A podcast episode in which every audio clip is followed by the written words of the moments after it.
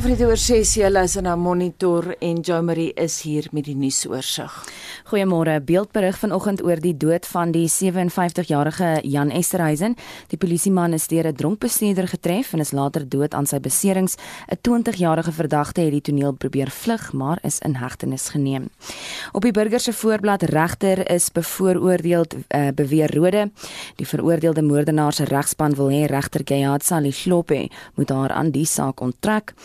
Dan berig Volksblad oor uh, die ANC president Cyril Ramaphosa se verkiesingsveldtog in Bloemfontein. Ramaphosa het gister onderneem dat korrupsie in munisipaliteite uitgeroei moet word en dat dienslewering moet verbeter. En Business Day berig Watchdog shoots down Sputnik bid. Die Suid-Afrikaanse medisyne reguleerder het die goedkeuring van Lemar International se Sputnik COVID-19-enstof van die hand gewys en dit weens kommer oor die moontlikheid dat die enstof die risiko vir HIV in mans verhoog. En dan oor na sosiale media, daar stroom huldeblyke in na die dood van die voormalige Amerikaanse minister van buitelandse sake, Colin Powell. Paul is op die ouderdom van 84 dood aan COVID-19 verwante komplikasies, dit ondanks die feit dat hy ten volle ingeënt was. Leiers wêreldwyd, insluitende oud-president George Bush, Bush en die voormalige uh, Britse premier Tony Blair, het Paul geprys vir sy militêre en politieke leierskap. Hy was Amerika se eerste swart nasionale veiligheidsraadgewer, voorsitter van die gesamentlike uh, stafhoofde en minister van buitelandse sake. En dan het die hitsmerk First of November oornag baie aandag gekry. Mense reg oor die land deel foto's van verswakte infrastruktuur, besoedelde waterbronne, slaggate en onwettige vullestortingsterreine in hulle munisipaliteite en dit alles in pogings om ander aan te moedig om die regte mense te verkies. Ja, ons gaan juis oor daai uh, sake praat later vanoggend van die verkiesingsdebat begin om kwart voor 7 soos gewoonlik. Dis op met die oog op die plaaslike verkiesing op 1 November. En ons fokus vanoggend op die Modimolimok Gopong munisipaliteit in Limpopo. Voorheen was dit bekend as Nelstroom en Nabomspruit die DA die Vryheidsfront Plus en die EFF gaan aan vanoggend se debat deelneem. Indien jy daar woon laat ons weet wat is die diensleweringprobleem probleme waarmee jy sukkel.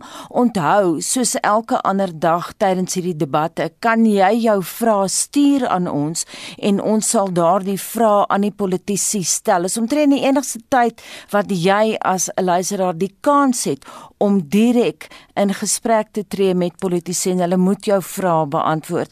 So stuur vir ons 'n SMS na 45889 dit kos R1.50 of jy kan vir ons 'n stemnota WhatsApp na 076536 0765366961 maar jy kan ook gaan na Monitor en Spectrum se Facebookblad. Dis nou kwart oor 6 en die prys van aartappels het 'n nuwe rekordprys per 10 kg sakkie bereik. Dis nou R97.09 so wat 15% hoër as 'n jaar gelede. Heinrich Weingart wou by Willie Jacobs, die president van Aartappels Suid-Afrika, weet wat die rede is vir hierdie stygings is. Die grootste gros van ons aartappels wat geproduseer word wat in die mark kom oor die wintermaande en in in die vroeë lentemaande kom van areas soos die Oos-Vrystaat en die Wes-Vrystaat af en dan ook gedeeltelik van die Noord-Kaap af. So wat gebeur het is Januarie vanjaar met ons uh, met verskillike wisselvallige weeromstandighede gesit. Geweldige hoë reënval en dit was eintlik reg in die middel van die planttyd van die grootste gros van ons uh, produsente wat deur die wintermaande aardappels voorsien. So wat nou op hierdie stadium die geval is is dat die Oos-Vrystaat produsente en dan die die Wes-Vrystaat Noordwes produsente wat in die mark was net vroeër klaar gemaak en dan sit ons met die Limpopo provinsie wat nou eintlik die sterker meer standvaste produksieareas omdat hulle onder besproeiing sit wat gewoonlik dan nou van die middel van die winter af na die vroeë lente maande toe in die mark is wat hierdie jaar blootgestel was in die eerste plek aan rypskade en toe later van tyd is daar seker wat dan ook nou blootgestel was aan haal. Hierdie omstandighede wat nou saamloop het dan nou die gevolg gehad dat ons vroeër in die jaar heelwat meer aardappels in die mark gehad het, maar die kwaliteit was van so aard dat ek wil amper sê dat dit ook nie baie lang, lang raklewe gehad het nie. En nou sit ons met die aardappels wat nou eintlik veronderstel is om die grootste volumes in te bring wat se hier en daar dan nou uh, onderbrekings in terme van hulle lewerings het. Die probleem wat ons heidaglik het is ons ons kan nie regtig bepaal uit die van saak of die aardappels onder die grond is wat die grootte en die impak is van die tipe van skades wat ons gesien het nie. Al wat ons verstaan van die Limpopo areas dat daar nog redelik produk pad is van daai omgewing af en dat um, ons kan verwag om 'n bietjie meer stabiliteit te kan kry na die einde van die jaar toe. Wat was die vorige hoogste prys, Willie? Die vorige uh, hoogste prys, soortgelyke tyd van die jaar het verlede jaar aangeteken is, is omtrent R83 per sakkie gewees. Teenoor wat ek verstaan, die prys wat nou aangehaal word R97 per sakkie is. So 'n jaar gelede rondom dieselfde tyd toe ek met Dr. Andre Jooste jou voorganger gepraat het, het hy ook ongewone weerstoestande en natuurlik vraag en aanbod as die oorsake van die prysstygings toe aangedui. Ja, dit is nogal interessant wat gebeur het is die ryfskade wat ons nou hierna verwys. Hierdie jaar so plus minus 2 maande later deurgekom. So met ander woorde, verlede jaar se ryfskade wat in Limpopo aangeteken was, was dan nou in 'n seisoen of in 'n komponent van die seisoen waar daar nog redelike produk van ander areas in die mark was, maar dit is die onderskeid is baie klein. Dit is dis baie soortgelyk as 'n patroon wat laas jaar gebeur het. Dink die groot verskil wat gebeur het is die feit dat die ander droëland produseerende areas vroeër uit die mark uit hierdie jaar is wat daar in die verlede voorgekom het. Jy het vroeër gesê jy wag nog om te sien wat Limpopo uiteindelik gaan oplewer. Sal dit enige verskil maak aan die prys wat ons tans betaal? Nou kyk Limpopo het 'n redelike langer plantseisoen gehad. Nou wat nou tot die voordeel kan wees daarvan is dat ons kan verwag dat daar jy sal onthou dat na en na die einde toe van vele jare daar nog 'n redelike aansienlike stygings in pryse plaasgevind. Wat ons kan verwag is dat die volumes dalk miskien bietjie meer standvastigheid sal gee aan die prys. Met ander woorde ons hoop en glo dat die prys nie weer daai tipe van geweldige tendens nou soos wat dit gehad het in 'n einde van vele jare sal aangaan nie. Maar dit is alles afhanklik van wat die temperature nou op die stadium in Limpopo maak. Die die Limpopo produsente is uh, redelik uitgelewer aan vroeë temperatuurstygings en dit kan hulle produksieseisoen ook ongelukkig nog kortknip in hierdie seisoen. Wanneer wat is die boodskap aan verbruikers reeds platgeslaan deur 'n pandemie en vir wie aardappels 'n stapelvoedsel is? Die groot troos daarvan is dat die waardeproposisie van aardappels nog baie sterk staan. Ek sien dat die vraaggedrewe prystendense in sekere areas eintlik sekere aardappels in die supermarkte ewen vat na bedrae so oor die R200 per sakkie. Dit is uh, skrikwekkend as ou daan dink, maar jy weet dit wys net weer eens dat ek dink nie ons het die beperking gekry oor wat se ware proposisies aardappels werklik vir die verbruiker kan hê. Nou ongelukkig is dit nou so, die natuur het 'n geweldige rol in ons omgewing. En as ons dit kan regkry om 'n beter boodskap van die verbruikskant af te kry oor die bereidheid van verbruikers om aardappels oor die langtermyn aan te koop, behoort dit eintlik die produsente aan te moedig om 'n bietjie meer waghalsig te wees in terme van hulle produksievolumes. Ons aardappelprodusente is baie konservatief oor produksie en ek dink dit is een van die goed wat maak dat ons dalk eerder onderproduseer as oorproduseer. Die stem daarvan Willie Jacobs, die president van Aardappels Suid-Afrika, het met Heinrich Weingart gepraat.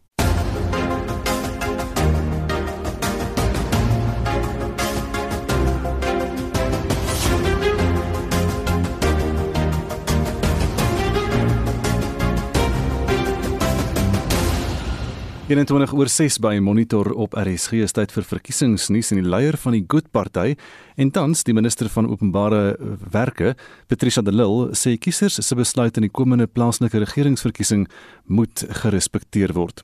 In 'n eksklusiewe onderhoud met die SAK het sy in Engels aan kiesers gesê hoewel haar party nog nuut is, sy lede heelwat ervaring het in plaaslike regeringskwessies. De Lille was 7 jaar lank die burgemeester van Kaapstad, waarna sy bedank het weens sy geskil met die DA. Marlene Forsie het meer besonderhede. Jul Boan de Lille se lysie is om die ooglopende skeiding tussen ryk en arm gemeenskappe in veral Kaapstad stop te sit. What is very close to my heart is that we've done very little in Cape Town to deal with the apartheid spatial planning.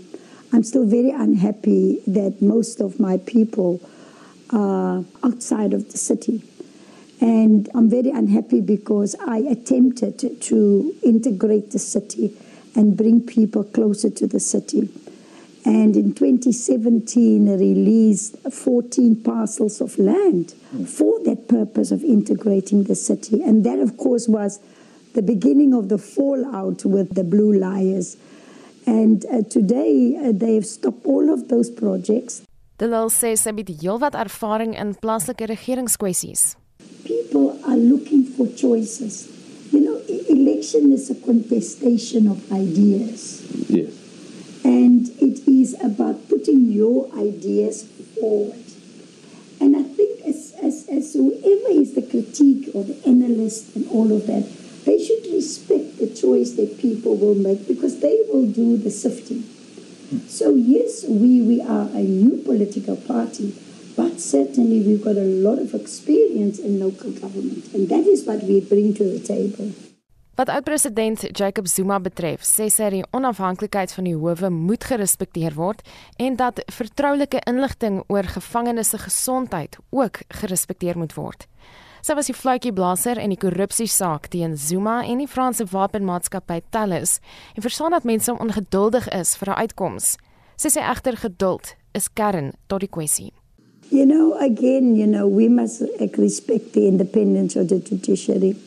I think they are capable judges, whatever, and they are entitled to use their discretion in, in, in a judgment.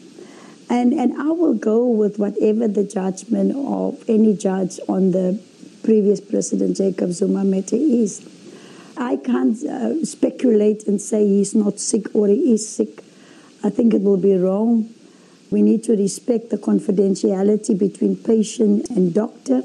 Dit was die leier van die Good Party, Patricia de Lille, tydens 'n eksklusiewe onderhoud met die SAK gisteraand. Die verslag deur Lulama Matja, Marlene Forsie, SAK nuus. Werkloosheid onder jong Suid-Afrikaners het vanjaar 'n rekordhoogtepunt van 64% bereik. Boonop sê kenners dat gefrustreerde werklose jong mense hulle toenemend tot dwelms en alkohol wend. Maar daar is jong mense wat streef na verandering, soos die wat hulle self as munisipale raadslede verkiesbaar stel. Annemarie Jansen van Vuren het die besonderhede. Die ATM-kandidaat Chiamu Makunye word 18 November, slegs enkele dae nadat die plaaslike verkiesing plaasgevind het. Hy sê hy het besluit om homself verkiesbaar te stel in die Randfonteinwijk van Gauteng se Wesrand sodat hy sy familie se lewensomstandighede kan verbeter. They are saying I must focus on schools, and I'm doing so. But at the at that time, I want to be in politics so that I can prioritize education and make education fashionable. Because nowadays, eh, when you look, there are still issues of student universities, outstanding fees. So for me, being in politics and understanding the education is for me to make sure that the students are represented well and they are given out the bursaries, etc. Makunye het doelgerigte planne wat hy in werking wil stel indien hy verkies word. is to make sure that Ramfontein taxi rank are clean. So to be health wise, I will start with cleaning up Ramfontein. And also building recreation facilities and sporting grounds for youngsters living in Ramfontein. Because what I noticed that the facilities are old and have not been uh, renovated. So this leads to the high school learners as the early age of entry, they're starting to smoking, heavy drugs, and grooving, etc., which is bad. They need something so that they can be motivated and keep themselves busy. Die DA se Kwena Malotto neem vanjaar vir die tweede keer as kandidaat in die munisipale verkiesing deel. In 2016 het hy op 23 jarige ouderdom 'n raadslid geword. Malotto sê al is sy familie stoere ANC ondersteuners, het hy tydens sy universiteitsjare in Pretoria by die DA aangesluit. Hy sê hy het die besluit geneem nadat hy gesien het onder watter haglike omstandighede sy mede-studente geleef het. My short time as a councillor, I've fought for issues of transport in the city of Tshwane that has the highest student population um, in the country. Um, I fought for issues around student accommodation, getting the city to hand back buildings to institutions of higher learning. Young people have new ideas, and every time that a young person such as myself comes into these spaces, um, I immediately see change being affected. Nog 'n jong kandidaat is die 25-jarige Boitumelo Tage. Sy verteenwoordig die ANC in wijk 98. Sy sê behalwe vir die hoë werkloosheidssyfer onder jong mense, is sy ook bekommerd oor misdaad en dwelmmisbruik. I strongly believe in addressing unemployment through skills development programs and empowerment programs for unemployed youth as well as people living in informal settlements so that they are able to better their own lives. And I believe that it's important that we provide youth who are on drugs and addicted to alcohol to provide them with rehabilitation and empowerment programs as well. Intussen sê die verkiesingskommissie dit wil voorkom of jong mense tussen die ouderdom van 16 en 29 jaar wel op 1 November hulle kruisies gaan trek. Die OVK maak die aanname omdat die jong mense 91% van die nuwe registrasies vir die verkiesing uitmaak. Dit teenoor 2019 waar 46% van die Suid-Afrikaners wat nie gaan stem het nie, jong mense was. Die DA se Moloto moedig jong mense aan om te gaan stem. There's often this idea that young people aren't interested in politics, but it's not true. I think young people just struggle to find relevance inside the current political space. Um, but I think that the importance is for more young people, such as myself, to get involved inside these spaces. Because the more of us there are, the louder our voices are. The more of us that come to the polls and show that we do care and that our voice does matter, the harder it is for people not to hear us. Die verslag deur Boesie Chimombe in Pretoria en ek is Anne Marie Jansen van Vuren vir SAK nuus.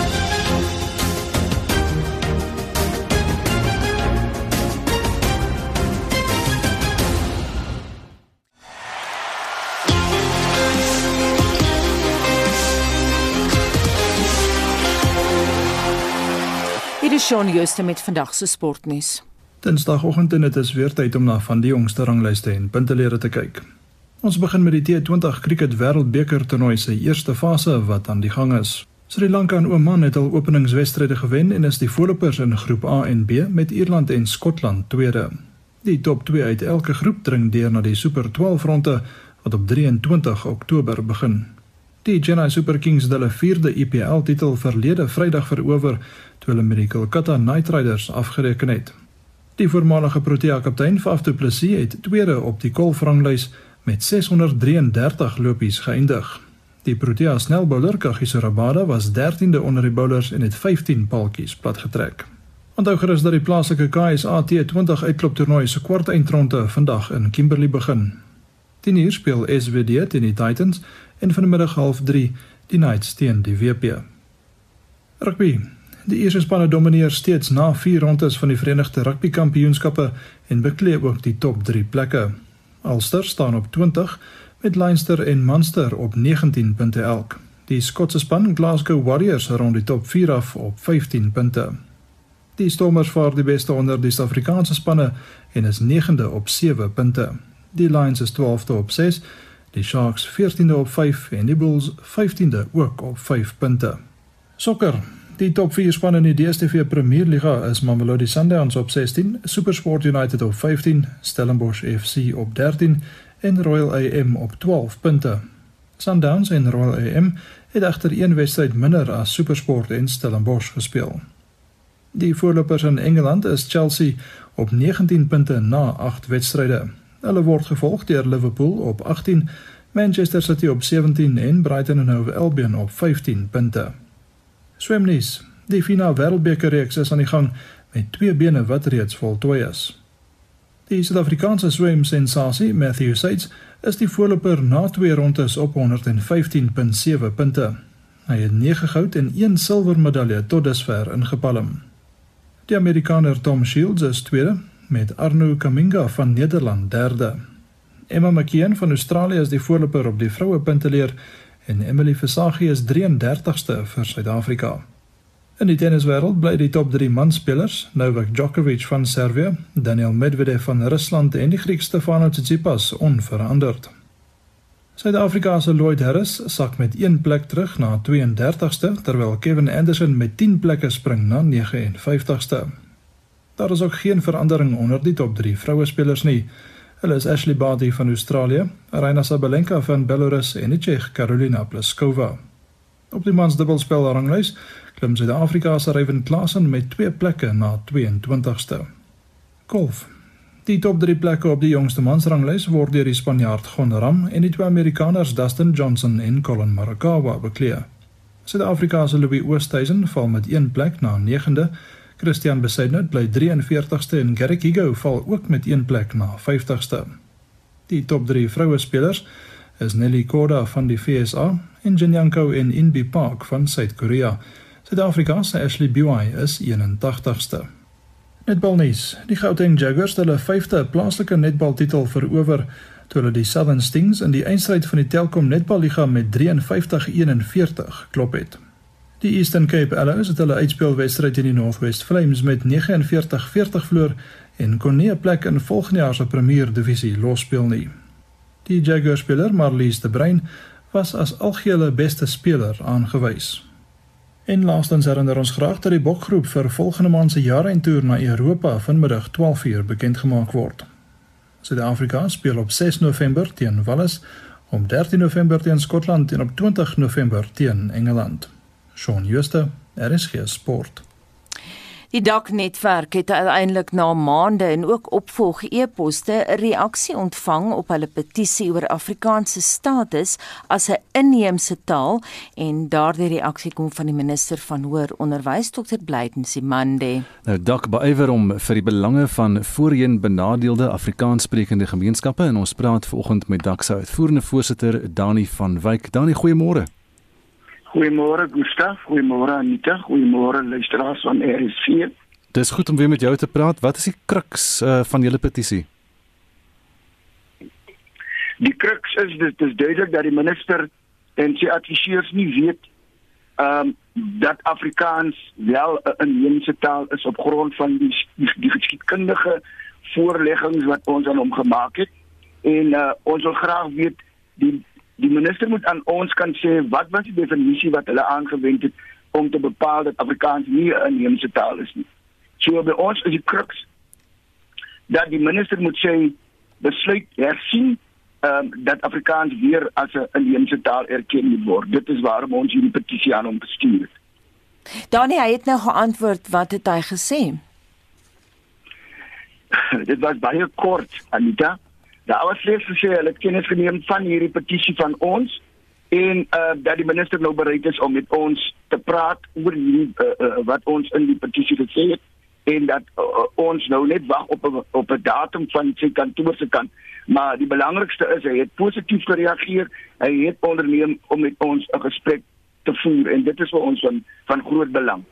Um, ons kry die, ons kry die indruk dat die minister heel moontlik moontlik gedink het dat hierdie ook maar net nog 'n petisie is van die kant van veral wit Afrikaanssprekendes, maar na hy moontlik dit gelees het en uh, werklik daarop gekonsentreer het dat hy agtergekom het dat hierdie petisie wat aan hom gestuur was van bruin mense kom bruin Afrikaans sprekende mense wat hulle wat hulle wat hulle kommer uitgespreek het oor die feit dat uh, Afrikaans deur die minister nie meer as 'n inheemse taal erken word en wat die gevolg daarvan sal wees vir veral die vernalate Afrikaanssprekendes. Wanneer gaan julle praat? Ons wag op 'n datum van hom. Ons neem aan dat dit sal seker binne die volgende klompie weke wees. Maar uh, ek weet dat die minister baie besig nou is met hierdie uh, voor uh, uh, jy weet vir die uh, voorbereiding vir die uh, plaaslike verkiesings wat kom. Hmm. So uh, ons neem aan enige tyd na die 1 November. Het julle om verwys na daardie konstitusionele uh, hof uitspraak oor Unisa wat dit so mooi uiteensit? Ons dit is alles deel van ons petisie en uh, ons glo dat hy daarvan kennis geneem het Gustaf. Mhm. Mm en wat gebeur nou as jy nie tevrede is met sy reaksie dan nie? As ons nie tevrede is met sy reaksie nie, uh, uh, uh, Gustaf sal ons verplig wees om hierdie saak na die konstitusionele hof te neem. Ons weet ons het nie daai befondsing of fondse nie, maar ons glo daar is mense daar buite wat ons sal ondersteun en dan sal dit ons finaal op konstitusionele hof vlak hmm uitklaring kry rondom die posisie van Afrikaans. Want ons weet nie wat is die die uh, definisie wat die minister en sy raadgewers aangewend het om te bepaal waarom is Afrikaans nie 'n uh, inheemse taal nie. Jy kan nie een oggend net wakker word en besluit Afrikaans is nie meer inheems nie. En dit is waarom ons met hom wil praat en dit is die weg wat ons gevolg het. Steun julle die DA en studenteplein se Hooggeregshof gedink teen die Universiteit Stellenbosch om die instansie te dwing om sy 2016 taalbeleid korrek te implementeer en nie daarvan af te wyk nie. Anita ons het kennis gekry daarvan ons het 'n uitnodiging om van om deel te word daarvan maar omdat ons as dak besluit het ons wil nie betrokke raak by enige aksie van enige politieke party of beweging nie het ons besluit om dit nie uh, om nie aktief daarin deel te neem nie. Wat is die situasie? Van, ja. Sorry ek nee. luister uh, Jy kan maar voortgaan ja. Nee, ek ek uh, dak ons het onlangs verlede na 'n 'n jaar vergadering gehad en ook uh, uh, uh, waar ons besluit het dat ons gaan nie deelneem aan enige aksie waar aan die DA byvoorbeeld of enige politieke party gekoppel word nie omdat ons sien dit juis as politieke opportunisme. En uh, uh vir ons is dit 'n probleem. Die die feit dat die DA die indruk skep deur hulle betoging nou onlangs daar voor die kantoordeure van die uh minister van uh, onderwys en hoër onderwys en opleiding het weer eens die indruk gegee dat dit net weer klomp wit mense is wat hier kom rondspring en rond staan en uh die indruk skep dat Afrikaans 'n wit taal is en, en en dit is dit is die probleem wat ons het uh, met die DA. Uh hulle uh, skielik is hulle voorvegters van Afrikaans. Hulle webwerk is totaal in in, in Engels as jy byvoorbeeld neem en dan neem jy 'n klein partytjie soos die Freedom Front Plus wat byvoorbeeld waarvan die webwerk beide Afrikaans en Engels is. Die Weskaapse aansig is slegs in Engels beskikbaar en die oorgrootste meerderheid van die mense in hierdie provinsie weet ons is Afrikaans spreek. Hulle het hulle um, ja, maar hulle het 'n berig oor jou gehad Sondag in 'n rapport waar jy gesê het maar maar jy het vir Leon Schreiber van die DA dankie gesê vir wat hulle wel ook doen. Ons ek het dit erken ek het vir Dian vir Dion dankie gesê vir Leon dankie gesê omdat op daai stadium het dit vir ons gevoel ons moet alle uh uh, uh magte en kragte mm. saamwen om hierdie ding te beveg. Maar uh, soos ek sê na die naweek het ons besluit nie ons gaan nie meer deelneem aan enige van hulle aktiwiteite nie of ons sal nie deelneem nie. Deelneem omdat dit ons moet ook dan kan taan as 'n organisasie wat die DA ondersteun. Baie dankie. Ons sal daai storie beslis dophou dit aan Dani van Wyk uitvoerende voorsitter van die DAK netwerk. Dis nou so 16 minute voordat ons kom by 7 uur en ons verkiesingsdebat is binnekort, maar net vinnig die volgende storie, die voorverhoor van die geskorste ANC sekretaris-generaal Ys Magashule en sy mede-beskuldigdes sal vandag in die Hooggeregshof in Bloemfontein hervat word. Magashule, 10 ander beskuldigdes en 5 maatskappye word daarvan beskuldig dat hulle 'n asbeskontrak ter waarde van 225 miljoen rand onreëlmatig toegeken het. Hulle staan reg op meer as 70 aanklagte van bedrog, korrupsie, diefstal en geldwasery. Estie de Klerk doen verslag. In 2014 het die Vrystaatse Departement van Menslike Nedersettings 'n kontrak toegeken aan Wyle Ignatius Mpambani se maatskappy Diamond Hill, wat 'n gesamentlike onderneming met die sakeman Edwin Saudi se Blackhead Consulting gevorm het. Mpambani is in 2017 in Sandton in Johannesburg doodgeskiet. Magashule, wat die premier van die Vrystaat was toe die kontrak toegeken is, het na bewering geld ontvang wat met die toekenning van die kontrak te doen het. Met sy eerste hofverskyning in November verlede jaar het groot groepe ANC-ondersteuners hom by die hof ondersteun. Dit het ANC swaargewigte ingesluit. Die woordvoerder van die nasionale vervolgingsgesag, Mthunzi Manga, sê die staat is gereed vir die saak.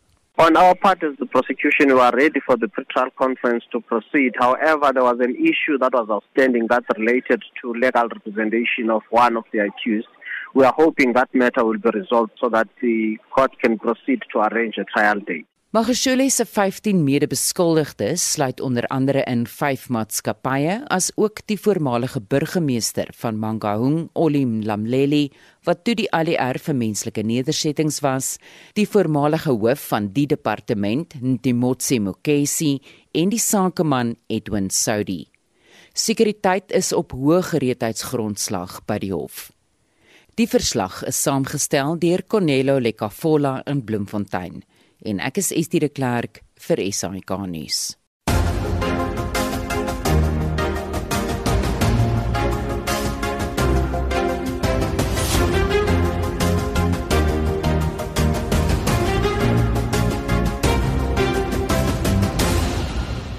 En nou is dit tyd vir ons verkiesingsdebat. Die verkiesingsfokus vanoggend val op Modimolle, dis die ou Nylstroom en Mokgopong, dis voorheen Naboom Spruit en is die dorpe daar langs die N1 tussen Bilabila en eh, Polokwane in Limpopo.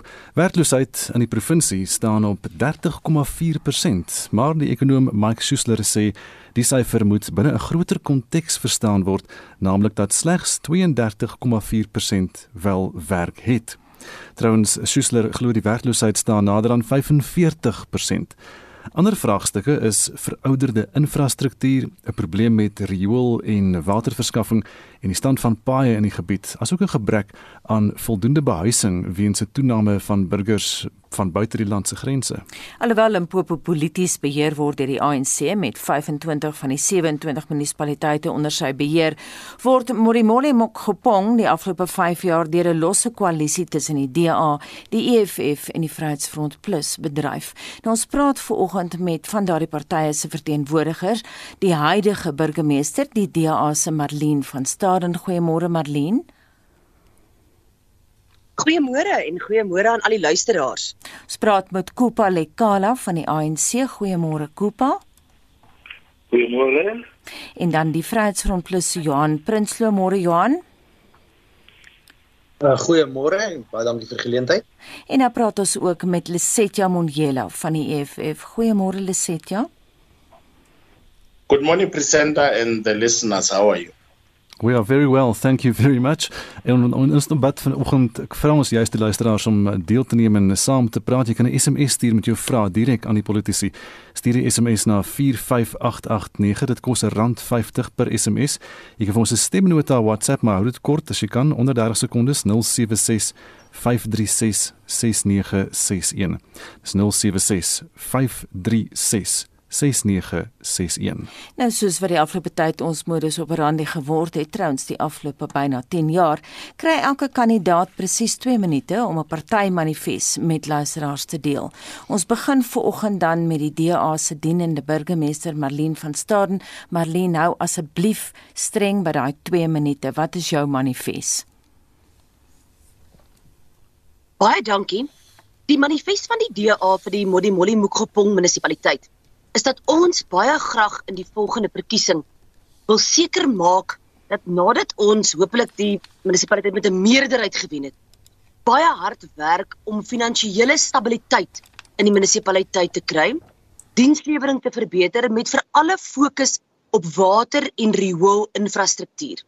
Daar's werklik nog baie infrastruktuur wat agterstallig is en ons voel dat 'n fokus van ons moet wees om al die rioolprobleme in die munisipaliteit so vinnig as moontlik uit te sorteer, seker te maak ons inwoners wat tans nie noodwendig daagliks water kry nie, wel op 'n daaglikse basis water sal kry. Ons wil graag aan paaie werk en infrastruktuur vir paaie in die dorpsgebiede opgradeer want baie van die paaie se lewensduur het reeds verstrek en gaan die munisipaliteit 'n aantal jare neem om daai paaie op te gradeer. Dan wil ons seker maak dat die munisipaliteit dissiplinêre prosesse in plek het wat daagliks mense verantwoordelik hou vir enige oortredinge en dat ons seker maak ons amptenare kry ons die heel beste uit. Ons wil dan ook in ons volgende termyn seker maak dat mense gekwalifiseerde en mense met goeie ondervinding aanstel om die munisipaliteit te bestuur. En daai amptenare kry om alles te gee en hulle beste te gee om seker te maak dat die munisipaliteit se dienslewering uitstekend is daar is tans 'n klomp plekke wat ons weet as munisipaliteit ons nog nie inwoners gegee het presies wat hulle wil hê nie. En ons moet seker maak dat ons op daai inwoners en areas fokus. Ons wil ook plaaslike ekonomiese ontwikkeling verbeter deur in terme van dienslewering vir besighede meer geleenthede te gee sodat besighede kan floreer in die munisipaliteit. En dan natuurlik Ek sal baie graag met 'n meerderheid wil wen in die plaaslike verkiesing. Marlene baie dankie dit was presies 2 minute ek sien jy het 'n stophorlosie daar die DA se burgemeester Marlene van Staden in die munisipaliteit tans en nou vir die volgende 2 minute beweeg ons na Kupa Lekala van die ANC. Kupa jy het 2 minute. Hallo goeiemôre almal. The ANC will work on one infrastructure homes water, and electricity. We will make sure that uh, they are up to the standards uh, that will uh, invite or attract uh, investments from both local and uh, external uh, investors. We will also look at putting in place investment strategies that will give us growth in terms of the economy and also jobs. We look at giving incentives to business to grow the area. I know that there is a gap on housing. There's, there's a large concentration on uh, RDP housing, but we will look now at our middle and income earners and provide for them proper housing. We will then go to the simplest and the simplest of all. Make sure that our town is at all times. The whole municipal area, including Mokopo and uh, and Ruta. We will make sure that there is consequence management and the money that were used unfairly or wrongly are collected back to the municipal fiscal so that we can settle the, the, the growing debt with uh, ESCOM and Makalis Water. I think the last part that I want to put in is that we will go into the infrastructure and make sure that we have bulk storage, particularly for water, because the problem of Mudumuda is not necessarily lack of water, but lack of storage facilities so that the, distribution can go to all. We'll make sure that uh, the recruitment of staff in particular. Baie dankie. Dit dan Kupalekela van die ANC en van die ANC gaan ons na die Vryheidsfront Plus en praat vooroggend met Johan Prinsloo. Johan, jou 2 minute begin nou. Goeiemôre, dankie Anita. Anita, ons nasionale 10-punt plan uh, sal jy sien het ehm um, 'n goeie betrekking tot op tot op Nylstroom naby ons spruit ook ehm um, en ek hou hom vir jou voor so wat dit in ons manifest is. Ons sê 1, stop die aanstellings van amptenare wat nie op meriete aangestel is nie en stel die beste persoon vir die werk voor. 2 sê ons eh, desentraliseer plaaslike regerings en wentel mag af na so na as moontlik aan die gemeenskap wat dit bedien. 3 sê ons hy het billike belastings en tariewe en stop onbillike verhogings. 4 sê ons skep 'n gunstige um, omgewing vir die private sektor om ekonomiese groei te stimuleer en volhoubare werksgeleenthede te, te skep. 5 sê ons tree as mans magsbalans binne veel partye regerings op en veg vir die regte van die VF+ kiesers binne sodanige regerings. 6 sê ons tree as effektiewe waghonde uh, ten opsigte van wanbestuur, korrupsie en onbevoegdheid op. 7 sê ons stop die besoedeling van die omgewing, prioritiseer infrastruktuur en standhouding, ehm um, voldoende uh, aan toepaslike wetgewing en effektiewe polisieering en bevorder 'n kultuur van herwinning. 8 sê ons stop die verlies aan water weens gebarste pipe en lekkasies. 9 beskerm die erfenis en respekteer diversiteit. Stop die uh, onnodige verandering van plek en straatname en bevorder veeltaligheid. En dan laastens skep 'n gesonde en 'n veilige omgewing en bevorder goeie waardes. Dankie. Johan baie dankie. Dit was dan die Vryheidsfront Plus se Johan Prinsloo in onder 2 minute en vir ons laaste kandidaat vanoggend is dan Lesetja Monjela van die EFF. You have 2 minutes starting now. Okay, thanks very much, uh, Presenter. Firstly, I'll, I will start by saying that uh, the, our our manifesto remains unchanged. Even this one of the local government elections. I would like to state by saying that the, the, the diagnosis is now well known. All municipalities depend on tenders to perform even the most basic of functions rather than deliver services. Rather than deliver services, the reason enter has become the allocation of tenders. These tenders serve no other purpose but as instruments for primitive accumulation. In simpler terms, they are conduits for stealing the money by associates and relatives of members of the ruling party. Whilst municipalities never fail to outsource their function to deliver services, the paradox is that services are not delivered. Our people do not have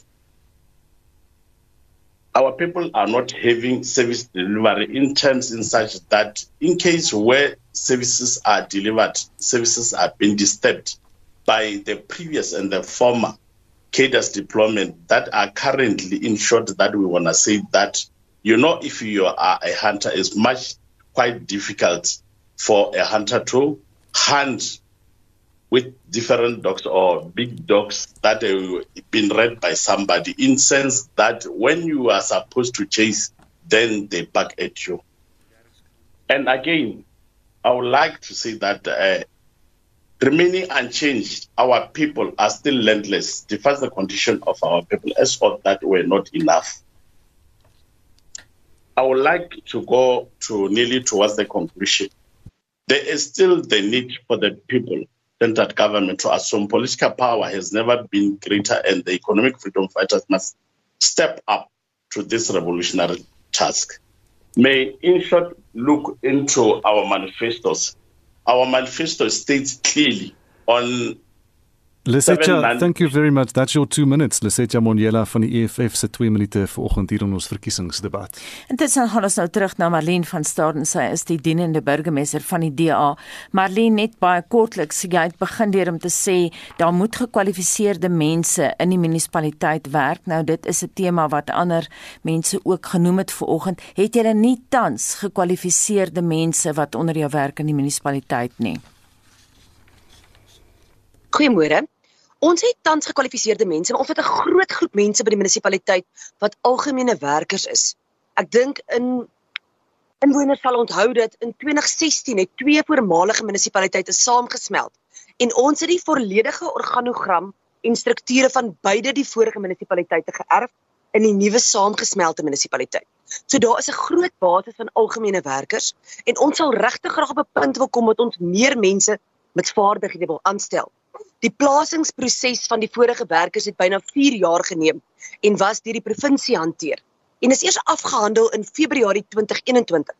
Na dit het die munisipaliteit wel ook reeds begin om van die mense aan te stel wat ons in kritiese posisies wil hê, maar ons het is groot wat ons graag nog in die volgende termyn met gekwalifiseerde mense in kritiese poste wil sit by die munisipaliteit.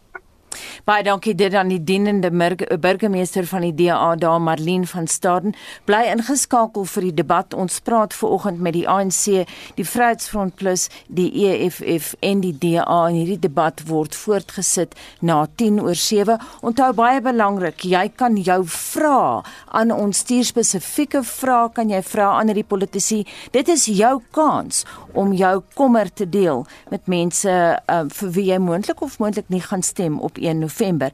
WhatsApp vir ons stemnota na 076 536 6961. Ek herhaal daai nommer 076 536 6961. Jy kan ook vir ons 'n SMS stuur na 45889. Dit kos R1.50 en jy kan uh, daai WhatsApp stemnota baie belangrik hou die boodskap onder 30 sekondes en dit bring ons by die 7 uur nuus.